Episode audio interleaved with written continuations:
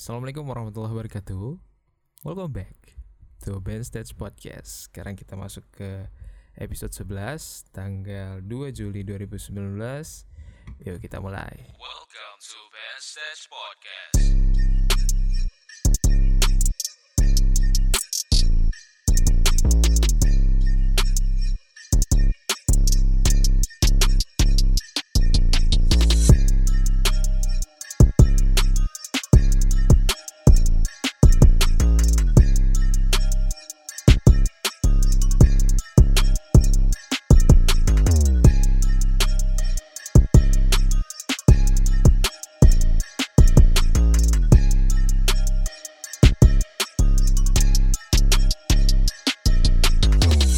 Baik.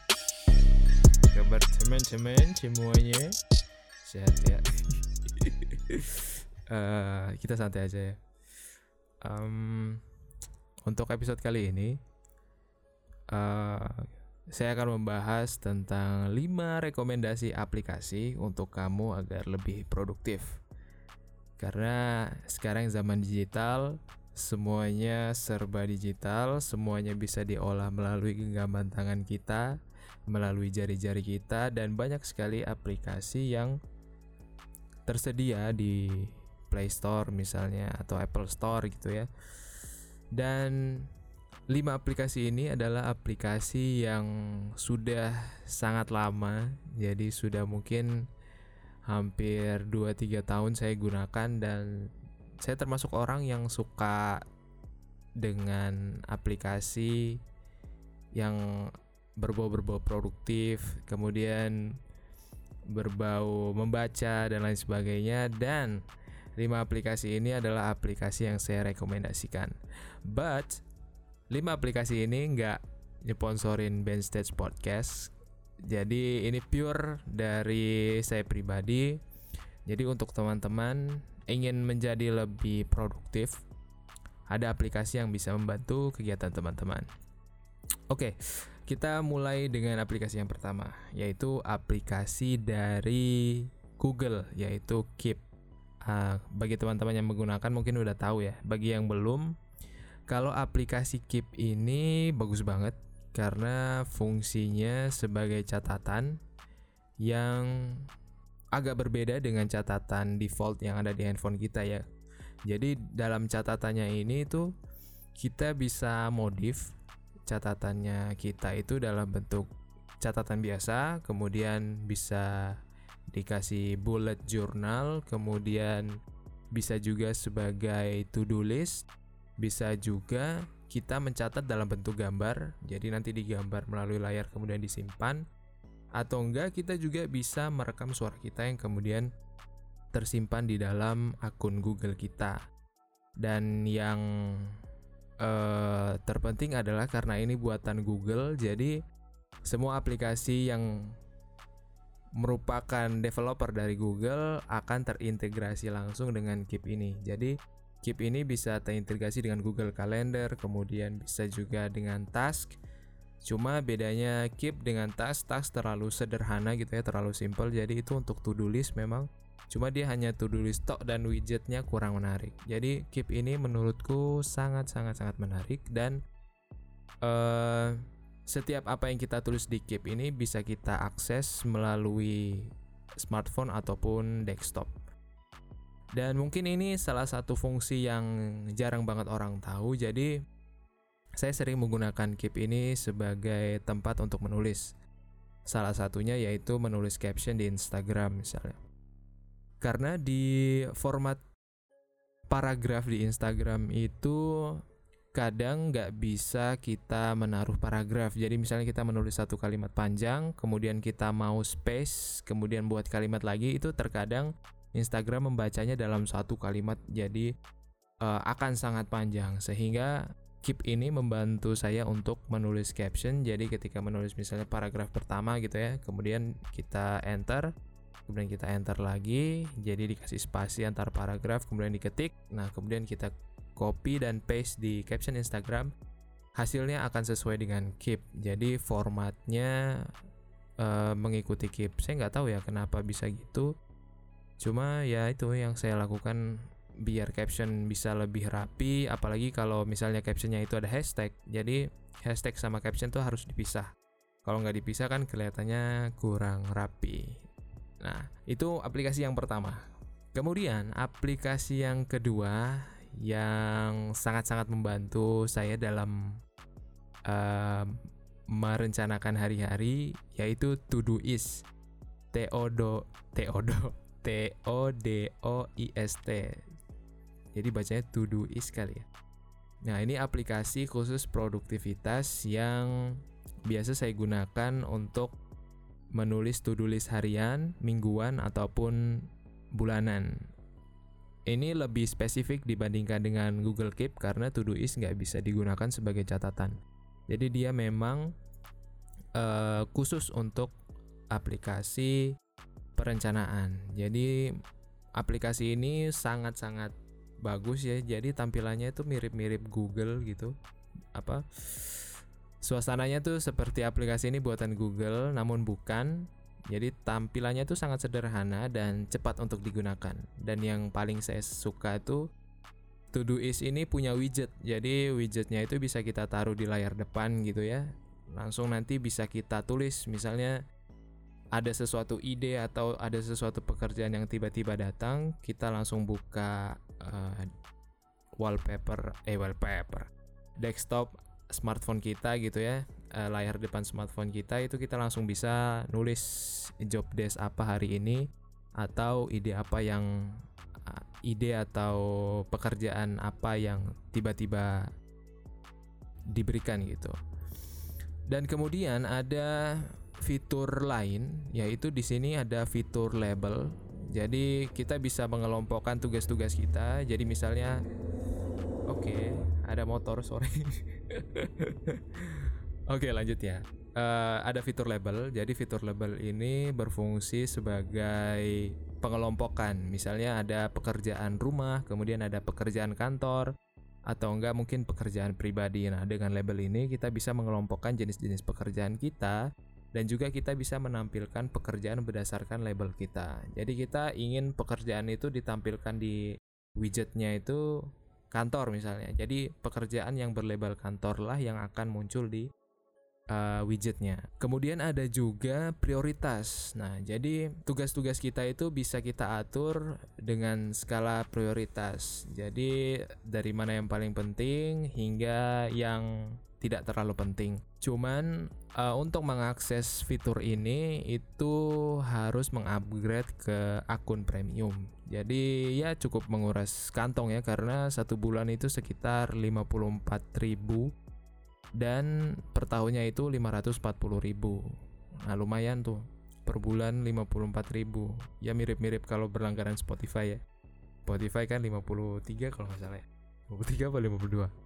uh, dan juga tuh dia kadang misalnya di di situ tuh dinamakan karma. Jadi karma itu semacam tugas atau task yang kita selesaikan. Jadi nanti misalnya kita sudah mencapai 200 karma. Jadi kita udah nyampe 200 pekerjaan yang selesai. Nah, itu juga akan ada laporan setiap bulan kalau nggak salah. Jadi Todoist ini dari pihak Todoist akan memberikan laporan atau kinerja kita, apakah kita konstan dalam menyelesaikan tugas-tugas. Nah, itu sangat menarik karena kita bisa melihat progres, kemudian kita bisa lihat konsisten eh, kons, kon, konsistensi kita dalam mengerjakan tugas-tugas. Nah, tapi yaitu dia hanya berlaku untuk member premium untuk yang analitik tadi.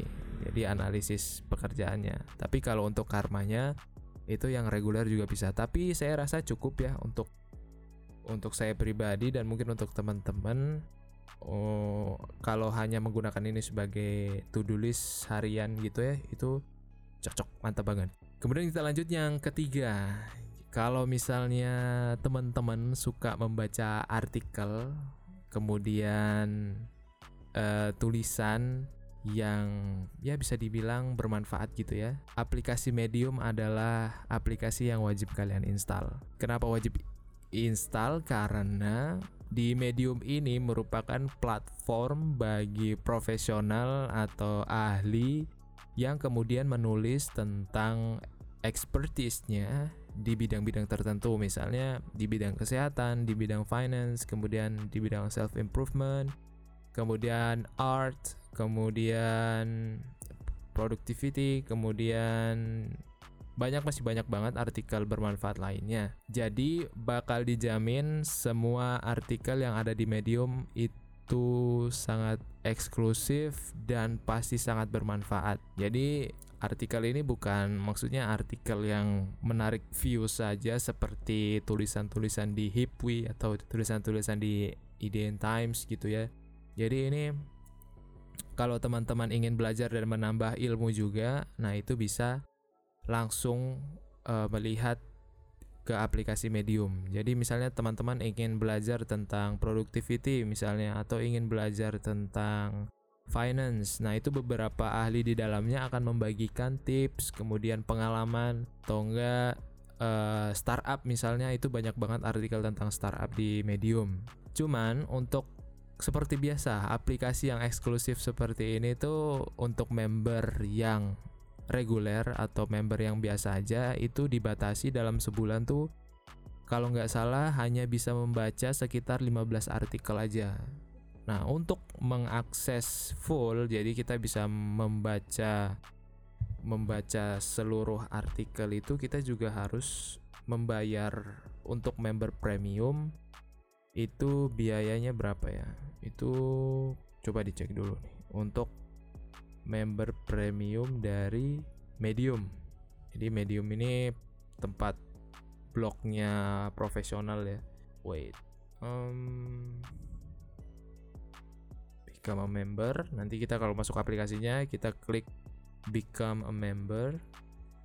Kemudian, nah di sini ada tulisan upgrade for 50 dollars per year kemudian upgrade for 5 dollar per month jadi 5 dolar per bulan 5 dolar itu mungkin sekitar 67.000 68.000 ya jadi teman-teman bisa beli ini bisa ngupgrade itu bisa melalui Google Play jadi bisa potong pulsa ya. Itu banyak banget. Nanti kalian nggak cuma bisa mengakses artikel kalian juga bisa mengakses audio.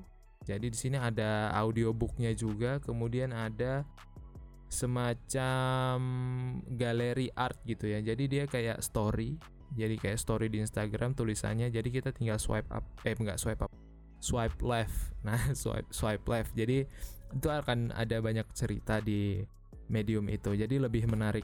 Itu sangat rekomendasi untuk kalian yang suka baca dan ingin mengembangkan diri lebih lanjut. Dan bisa bisa juga uh, misalnya kalian yang setiap bulan gitu ya punya budget untuk beli buku, saya rasa akan uh, lebih worth it kalau ini ya, maksudnya nggak lebih worth it sih, maksudnya uh, akan sama halnya juga kalau kita berlangganan medium, karena medium ini bisa dibilang ya bahan bacaan yang cukup ringan, mudah dipahami, dan juga banyak sekali bidangnya, jadi dengan harga seperti itu kita sudah bisa mengakses berbagai macam informasi. Kemudian aplikasi yang keempat itu ada ruang kerja dari ruang guru. Nah, bagi teman-teman yang mungkin sudah pernah menggunakan ruang guru ya, mungkin anak-anak yang lahirnya 2000-an gitu mungkin sudah menggunakan ruang guru ya. Saya anak-anak lahir tahun 90-an itu waktu itu belum ada ruang guru.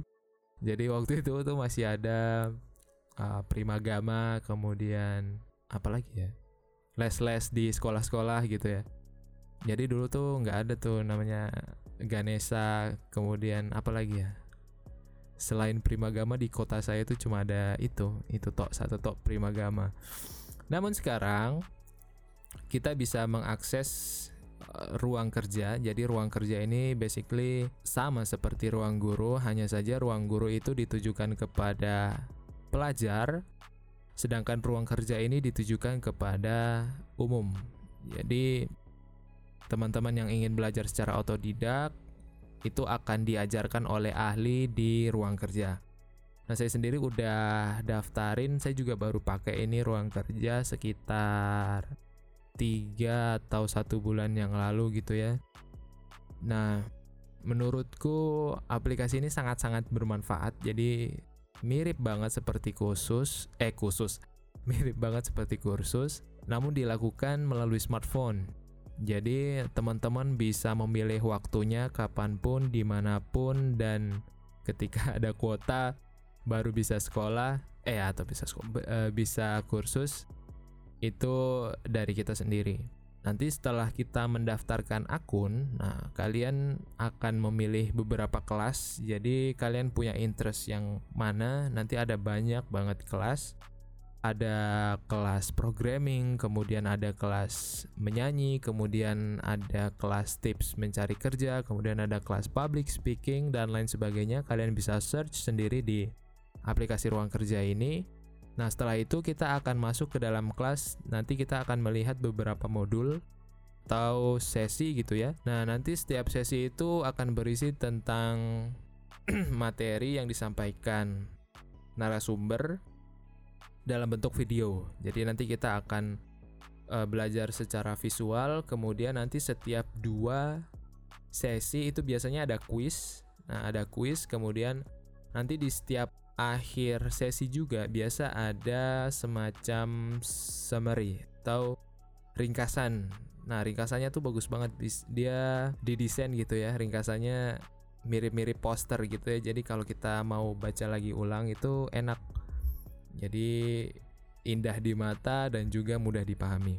Dan juga uh, saya baca di aplikasi ini tuh kalau misalnya kita udah selesai dalam melakukan satu kelas gitu ya rangkaian sesi dalam satu kelas tersebut tuh kita akan dapat namanya sertifikat tapi kelas yang saya ikuti ini belum belum sampai selesai jadi masih sisa dua sesi uh, jadi saya nggak tahu apakah uh, sertifikatnya ini akan berbentuk PDF atau dalam bentuk lain itu saya nggak tahu. Tapi bagi teman-teman yang misalnya punya waktu luang kemudian uh, pengen banget mengembangkan diri lebih lebih baik lagi nah itu bisa mendaftarkan diri atau membuat akun di ruang kerja. Dan yang terakhir aplikasi ini agak nyesel sih kenapa baru tahu ada aplikasi ini gitu ini aplikasi dari Indonesia kalau teman-teman sering dengar podcast uh, sering dengar Urban Stage podcast gitu ya iya uh, kalian wajib dengar juga Inspigo. Jadi aplikasi ini namanya aplikasi Inspigo. Jadi ini isinya adalah uh, podcast. Jadi akan membahas berbagai macam bidang dengan berbagai macam narasumber yang kemudian akan di apa ya di di post di aplikasi Inspigo ini. Jadi misalnya kalian tertarik pada uh, critical thinking atau misalnya public speaking atau misalnya podcasting itu semua topik ada di dalam Inspigo ini. Ya nanti kalian bisa mendengar melalui audio. Uh, kalian bisa mendengar di mana saja di kapan saja misalnya pulang kerja atau mau pergi kerja atau lagi kerjain pekerjaan rumah kalian bisa mendengarkan podcast di Inspigo ini. Terutama podcast ini tuh membahas tentang dunia profesional. Ada juga sih beberapa yang menceritakan pengalaman para ya bisa dibilang para ahli gitu ya. Nah, banyak juga perjalanan hidup juga ada sih yang yang sekiranya menarik untuk diperbincangkan gitu. Nah, itu kita langsung bisa mendengarkan wejangan atau inspirasi dari orang-orang hebat yang ada di sana. Kemudian uh, karena ini lagi-lagi ya aplikasi bisa dibilang eksklusif gitu ya. Ada beberapa episode jadi dalam satu album itu jadi misalnya podcast tuh berjalan dalam waktu satu jam. Nah nanti dalam satu jam itu akan dibagi-bagi terus beberapa potong. Jadi beberapa potong itu akan dimasuk dalam satu album. Biasanya satu album itu ada sekitar mungkin 6 sampai 8 potongan gitu ya. Nah, untuk member yang reguler atau member yang biasa itu mungkin hanya bisa mengakses sekitar uh, eh, 4 sampai 5 episode. Jadi untuk mengakses seluruh album itu kita harus membayar sekitar kurang lebih 35.000 ya kalau nggak salah. Itu bisa dibeli di Tokopedia. Tokopedia apa Shopee gitu saya nggak saya kurang paham. Cuma terakhir harganya 35.000 nah itu kita udah bisa mendengar uh, seluruh pod podcast secara eksklusif dan juga kita bisa mendownload podcastnya secara offline jadi kita bisa mendengar podcast ini secara offline karena uh, member premium tadi. Nah, member premium pun itu ada jangkanya, ada yang satu bulan, ada yang dua bulan, ada yang tiga bulan. Tapi dengan harga yang menurutku murah ya, cukup murah untuk 35.000 satu bulan misalnya itu untuk mengakses informasi yang sangat-sangat menginspirasi ini itu worth it sih. Bahkan mungkin sangat worth it.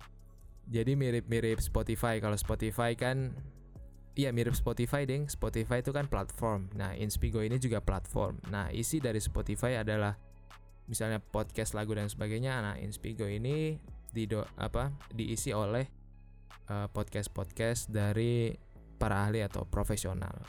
Oke kayaknya itu dia 5 rekomendasi aplikasi untuk kamu biar bisa lebih produktif lagi kalau misalnya kalian punya aplikasi yang mungkin saya nggak tahu atau aplikasi yang dirasa kalian itu sangat-sangat bermanfaat, kalian bisa sharing atau komen di uh, podcast ini. Jadi kalian bisa search di Anchor FM slash Podcast.